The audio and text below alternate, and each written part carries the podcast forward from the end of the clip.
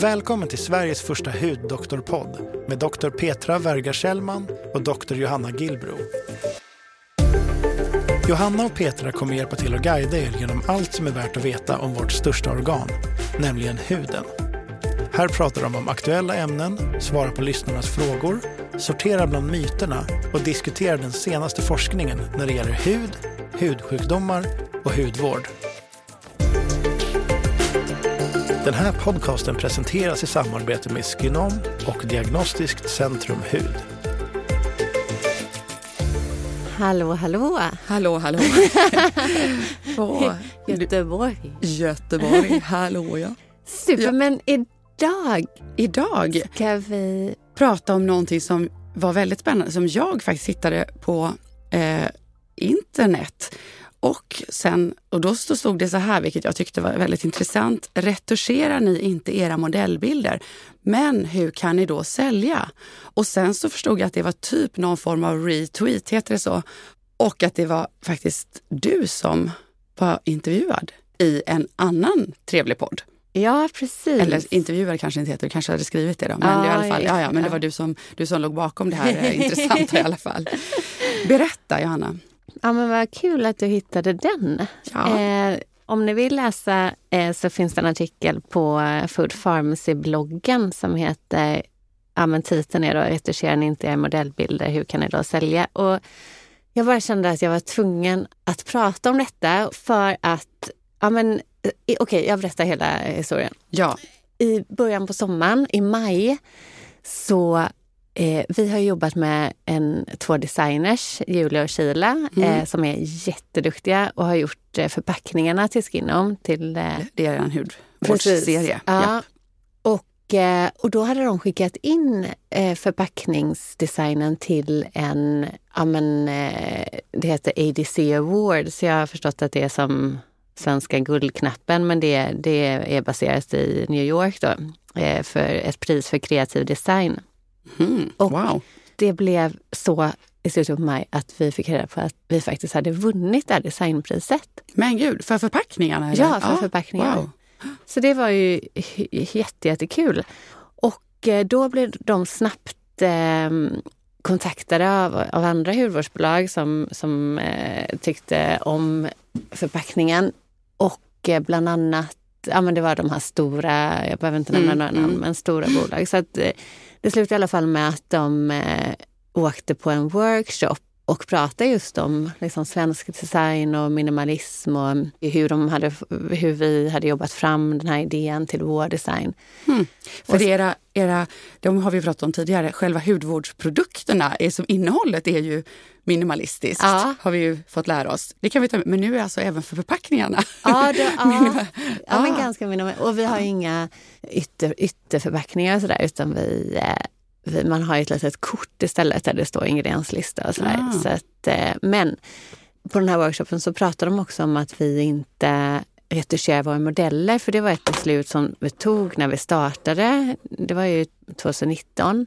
Och då var det verkligen förvåning i bland deltagarna som sa att eh, men hur, men alltså det här skulle vi aldrig kunna göra. Vad, men säljer ni någonting? Det är ju helt galet. Liksom. Ah, ja. För det, det, skulle, det, det, det, här skulle vi aldrig våga göra. Och det här har jag hört även, ja men just det här med retuschering av modeller, det, den frågan har vi fått väldigt mycket. Och då börjar jag liksom tänka, men det här är ju inte klokt. Det är ju så här, företagen har ju tidigare ägt all produktreklam och mm. all reklam med modeller och, och sådär. Men nu, i och med att det finns ett filter i varenda Ja, men exakt. Mm, och 90 procent tydligen av alla unga kvinnor, hittade en artikel då, som, som säger, använder faktiskt mobilfilter innan man postar någonting i sociala medier och sådär. Och då blir det en helt, det blir en helt fejkad verklighet. Mm, mm. Och det tycker jag man har märkt också när man träffar folk som man bara sett på sociala medier så, så ser det inte ut som samma person. Mm. Och, och det här är ju verkligen ett problem.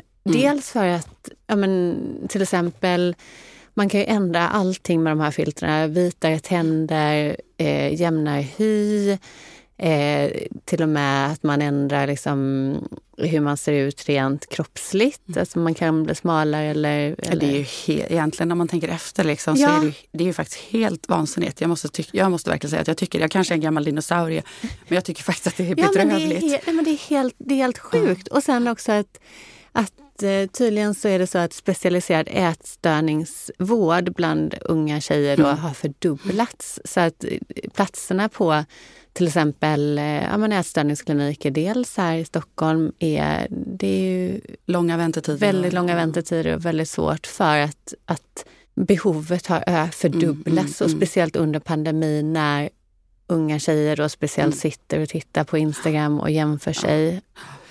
Åh, oh, gud, jag blir alldeles matt. Ja. ja. Och sen så skrev jag även, för då, då kom det tillbaka till mig, jag var ju med i den här produktionen av SVT Sanningen om hudvård. Mm. Just Och då tog, vi hade, jag kommer inte ihåg, men säkert eh, 30 personer som, eh, där vi analyserade då, 30 olika parametrar med en speciell hudkamera. Just det. Eh, före och efter att de hade använt olika krämer så skulle vi se om det förbättrades eller om det hände, hände någonting.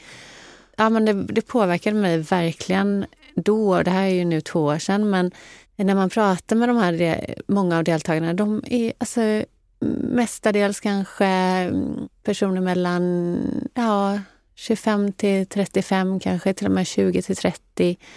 Eh, unga personer som är stunning. Alltså de är så, mm. så fina och så vackra. Mm, och mm. så, och, Men så missnöjda? Eller? Som ja, är, ja, och som, som ser saker som ingen annan hade sett. Mm. Eh, och som upplever att de mm. har hudproblem som rynkor till exempel när man är 25. Mm. Eller andra hudproblem som inte ens kameran, alltså den objektiva kameran kunde inte se någonting. Nej, nej. Vi, vi ställer ju verkligen till det för oss själva. Det, det för ju ingenting gott med sig nej. det här överhuvudtaget. Nej, det gör det verkligen inte. Nej, jag är benägen att, att, att hålla med dig och det du beskriver kan jag tycka utan liksom att kanske ha några vetenskapliga studier bakom mig. Att, men min, min erfarenhet och min känsla är också att det ökar extremt mycket just det här med vad man säger missnöjet med eh, en upplevd, liksom, man upp, upplevda problem liksom, mm. som jag tror har ökat mm. väldigt mycket tack vare det här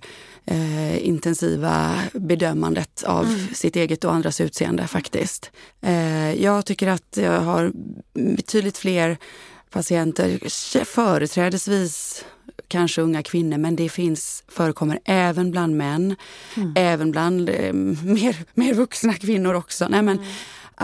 Att Eh, det är liksom inte bara en barn och ungdomssjuka liksom, eller, utan att man, eh, att man är missnöjd. Jag kan tycka att på något sätt bland tonåringar är det kanske, kunde kanske vara vanligare, eller har kanske varit vanligt tidigare också, att man, mm. man är en känslig ålder, man är generellt missnöjd med eh, ja, kanske olika saker lättare för att man, man befinner sig kanske en känslig tid då man granskar sig själv och så vidare. Men, men att det här, det, det, det, jag upplever att det är att det ökar och att det har eh, eh också precis det som du skriver, eller beskriver också, små små saker som man egentligen tycker är faktiskt precis helt normalt.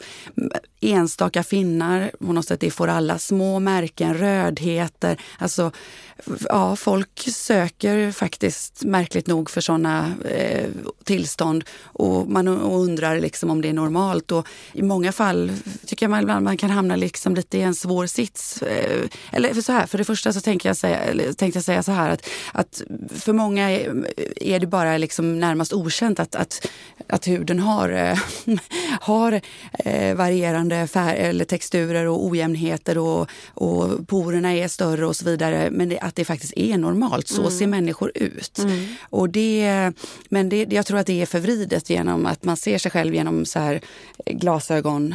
Ja. För att man är TikTok-filter och mobil, mobilfilter och så. Samtidigt, det, det var det jag egentligen skulle säga innan där, att samtidigt får man på något sätt ta människors problem på allvar, för det är ju ändå ett upplevt problem. Så att jag tror att vad en del ibland möter är ju att man blir bort, idiotförklarad kanske. Ja. Och det är klart att det är ju inte roligt ändå, för att, eller det är inte bra för att personen i fråga har ju ändå ett upplevt, upplevt problem och tycker kanske att, att de här röda kinderna eller de här eh, vidgade kärlen på näsan eller de här finnarna som kommer då och då är ett stort problem. Så att jag, jag kan tycka att man ibland som liksom doktor kan hamna i ett lite så här, för man vill ju hjälpa och man vill, men samtidigt så får man göra sitt bästa tycker jag. Att ja. På ett liksom förhållandevis ödmjukt sätt att förklara kanske liksom att, att det tillhör det, den normala huden helt enkelt. Och att man inte kan jämföra sig och att man faktiskt inte kan tro att man ska se ut som retuscherade bilder i Glossy Magazines liksom, eller, i, eller på ja, med, med, olika filter har använts och så vidare. Att man, att man medvetandegörs om det. Liksom. Är det helt galet? Oj. Ja, ja, nej, det är helt, Ren, ja. nej, men rent allmänt är det väl på något sätt det har, jag tycker det är, eller jag, jag tror de flesta tycker att det har blivit ett alldeles för stort fokus på att vara perfekt. Ja. Eh, och det ger såna här konsekvenser att folk mår dåligt och, och, eh, och så kanske man söker både sjukvård och det är klart att en del upplever ju det förstås irriterande. Det är därför jag tror att man kanske kan bli avfärdad också när man inte har någonting egentligen som är är sjukligt utan det är normalt. Men jag hoppas att de flesta liksom, ändå kollegor har möjlighet att, att på något sätt försöka, eh, i alla fall på ett vänligt sätt förklara att, att det är normalt. Så man inte bara, men gud, liksom, vad Nej. är det där? Lägg av. Du är, du är så fin, tack, gå nu. Ja. Liksom. För det hjälper nog inte så mycket. För personen där och då upplever i alla fall att det finns någonting. Så att man får i alla fall ta hand om den oron på ett, men, men samtidigt inte försöka förskriva massa olika behandlingar och så att säga Nej. gå med patienten då när som faktiskt inte har något problem. Och att heller, liksom, då blir det ju på något sätt, tycker jag i alla fall, som någon form av bekräftande ja, av att i alla fall, ja men om jag börjar skriva massa saker, ja men testa det här och det här och det här, då är det lite som att jag på ett sätt bekräftar att, ja. att det är något fel. Ja. Så att, är det, jag, jag tycker det, det där är en väldigt svår balansgång. Liksom. Man vill ju hjälpa men man, man, det, det, finns begränsningar och, och sen får man ju ibland hamna med att man faktiskt får ta diskussion med patienter att, att man har en, eh, en kanske en felaktig bild av hur man mm. ser ut. Att den får man kanske ja, som sagt var jobba med på ett annat sätt och det är ju lite svårt för vården ibland att ja, ta hand precis. om det. Men jag läste faktiskt eh, en, och, och, jag har inte kommit så långt, men det, jag tycker det är otroligt intressant just det här med eh, höger och vänster hjärnhalva. Aha. Att vi tydligen så, just höger eh, hjärnhalva eh, har liksom förmågan att se liksom en helhet, att se, se komplexa samband, att se eh, att använda vår intuition och så vidare. Och vänster hjärnhalva är mycket mer struktur och liksom detaljstyrd och analyserande och eh, har inte förmågan att se helheten mm. på det sättet. Mm. Den här författaren menar då att vi använder mer och mer liksom, i vår mänskliga värld eh, mm. vänster hjärnhalva. Mer och mer och mer. Och då tar han upp, eh, jag får komma tillbaka till författarens namn här för jag kommer faktiskt inte ihåg det, men eh, då kommer han tillbaka till att i till exempel sjukdomar som anorexi och även ortodoxi heter det väl? Ortorexi, Orto, tänker du? Ortorexi, ja, ja. precis. Även, det vill säga att du, att du alltså är, extremt noga precis med vad du äter. Du tränar exakt, ja. du, äter, du blir inte anorektisk, alltså eh, att du tappar all vikt, utan du behåller en liksom, perfekt vikt men du, det är ett otroligt tvångsmässigt styrt ja. beteende. Och väldigt kroppsfixerat. Ja, absolut, absolut. Och i de här sjukdomarna då så menar han att eh, att anledningen till att, en av anledningarna till att de uppkommer är för att man är så mycket mer styrd av vänster hjärnhalva mm. och bara liksom titta på detaljer. Och jag tänker att...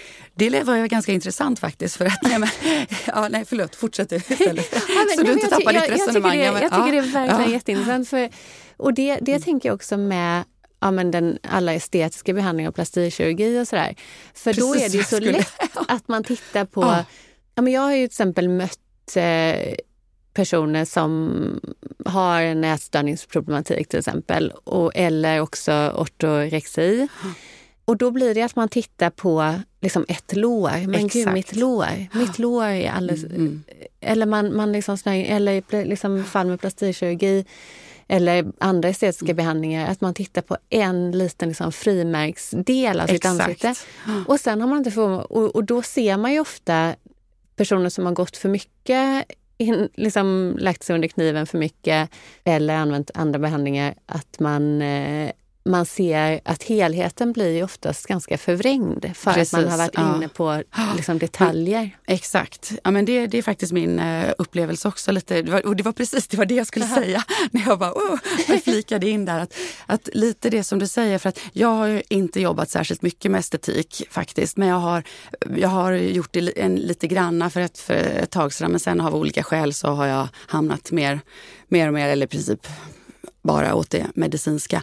Men det jag minns just därifrån och som även kommer upp i vanliga fall, för jag får ju ändå en hel del frågor, det är just precis sådana här detaljgrejer. Mm. Jag vill liksom ordna prick den här grejen, punkten. Och så börjar man med en sak och så om, fixar man kanske det området och så kanske mm. själva området eller blir bra eller så här. Och sen går man vidare på liksom nästa område. Men exakt som du säger så har man egentligen aldrig, det är liksom totalt sett blir det inget vackrare. Nej. Det kan vara så att eh, möjligen så blir det liksom eh, ena näsvingen tjusigare jämfört med den andra, eller sådana där banaliteter. Mm. Men helheten blir liksom inte bättre. Nej. Så det där jag tror, det där tror jag, det där med detaljtittandet, det, det tror jag är jätteviktigt. Och, och, att man, eh, ja, dels att man blir medveten om och sen kanske att de som då utför sådana här behandlingar, om man vore etiska så kanske man, de skulle också se mera till, kanske säga nej lite oftare mm. Eh, och se mera till eh, helhet än att försöka hjälpa människor att korrigera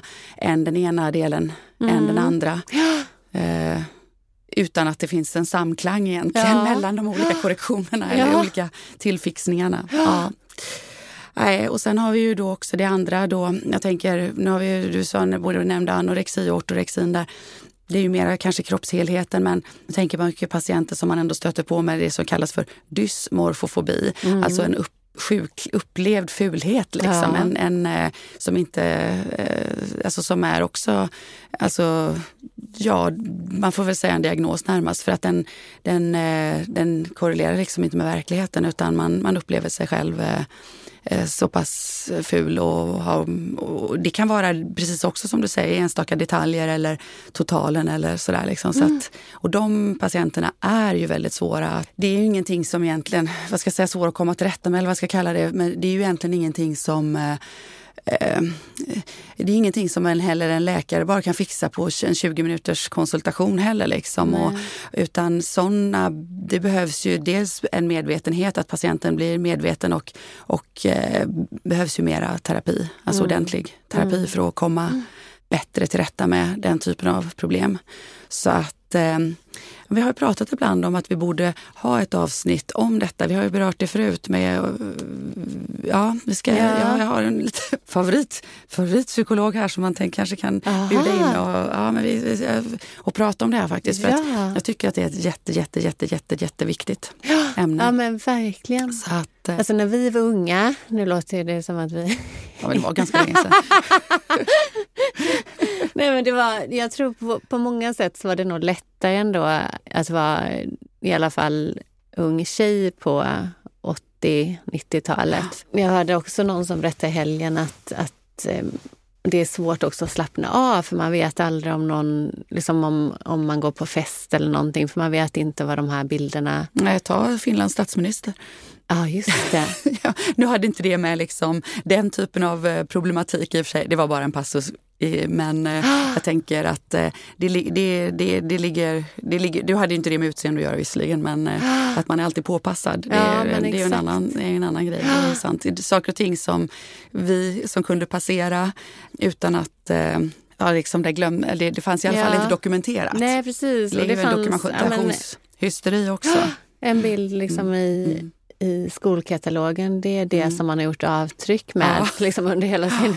Ja, ungefär, så, ja. så är det ju. Så att, mm. eh, alltså jag kan ju se, jag, jag har ju berättat eh, öppet också om att jag tyckte min vitiligo var väldigt svår under tonår och unga, ja, men, någon gång från 17 till 24 kanske.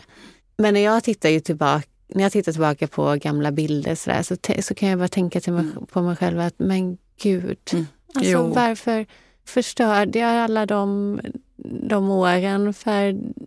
Ja. Ja, nej men det där är ju sorgligt. För det, du, ja, det är väl så, så tror jag väldigt många tycker också att man, att man kan tycka, sörja liksom att man var, att man var självkritisk när man var eh, ja, yngre. Och för en del fortsätter ju vara det också i och för sig. Men att, eh, nej, och det är ju rätt sorgligt egentligen, den här självkritiken som vi håller på med. Den här inre kritiken, den, den arga inre rösten mm. som talar om för oss att vi inte duger. Den här inre kritiska rösten. Och det ska man ju veta att vara självkritisk det, kroppen och själen eller ska säga, skiljer inte riktigt på om att, att det är jag själv som säger det eller om det är någon annan som säger det. Mm.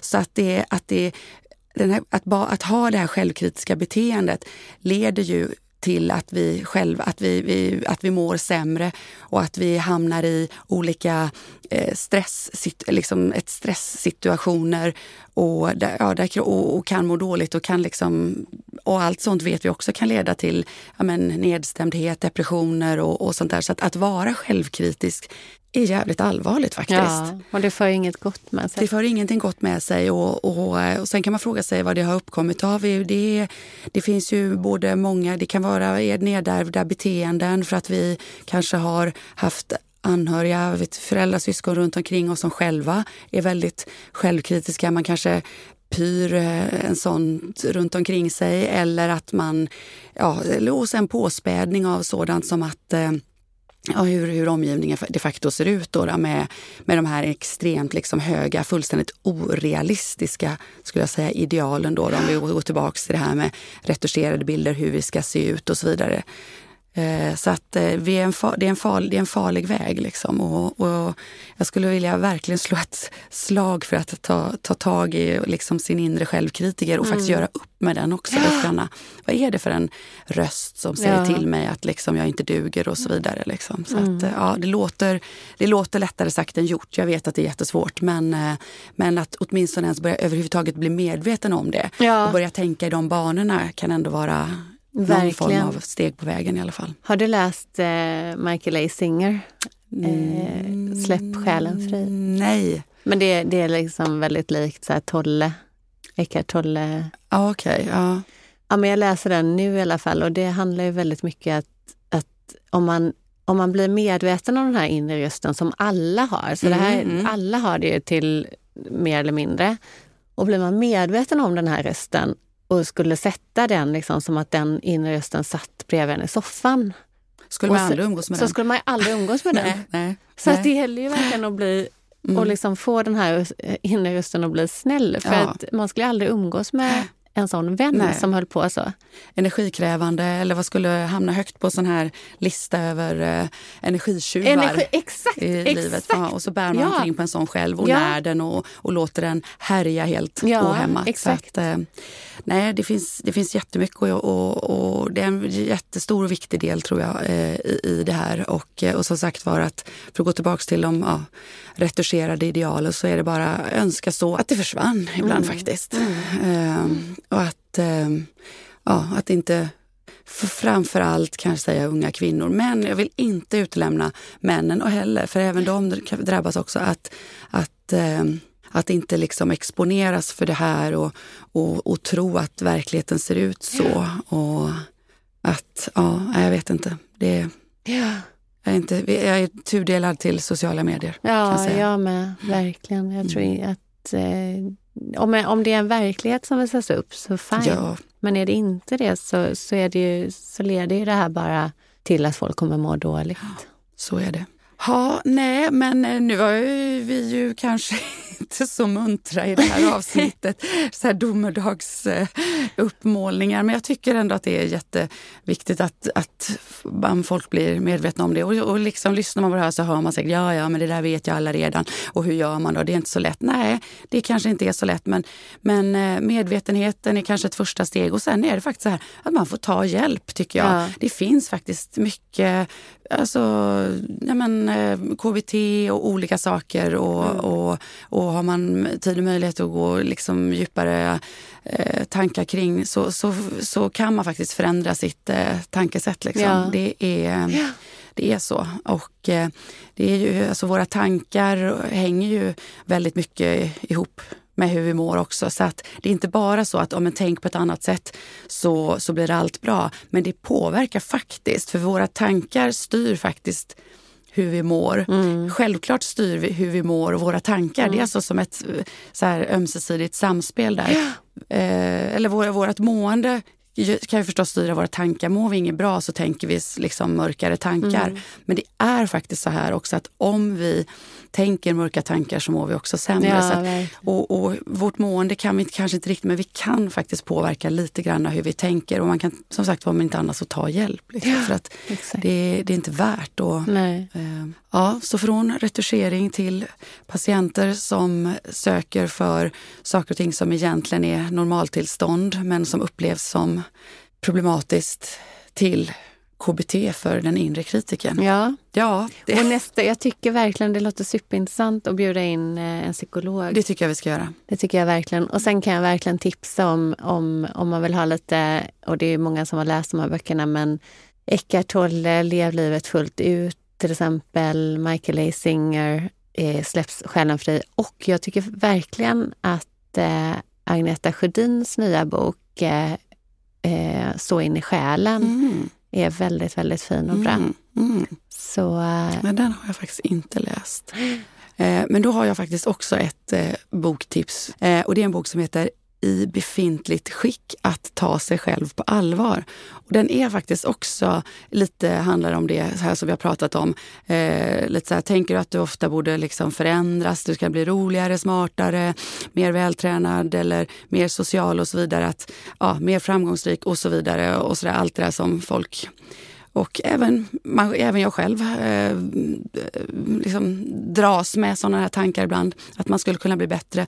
Så eh, tycker att den här, den här boken han pratar ganska mycket om känslor och lite grann också om bakgrunden till såna här drivkrafter mm. som i grunden kanske inte är fel men de, om de spårar så, så blir det och, och lite förståelse för hur våra negativa tankar kommer eh, upp och, och så vidare. Så att eh, Ja, jag tycker den, den, den är också ett litet bra tips. I befintligt skick, sa du? Ja, i befintligt skick. Att ta sig själv på allvar. Skriven av en, eh, eh bland annat en eh, Katja Lindert som är eh, eh psykolog. Ja, okej. Okay. Ja, den ska jag absolut läsa. Men med det här får vi kanske säga tack och hej för idag och ja. eh, ha en skön vecka. Ha en jätteskön vecka, så ses vi, vi. nästa vecka. Toppen. Ha det bra. Hej. Hej.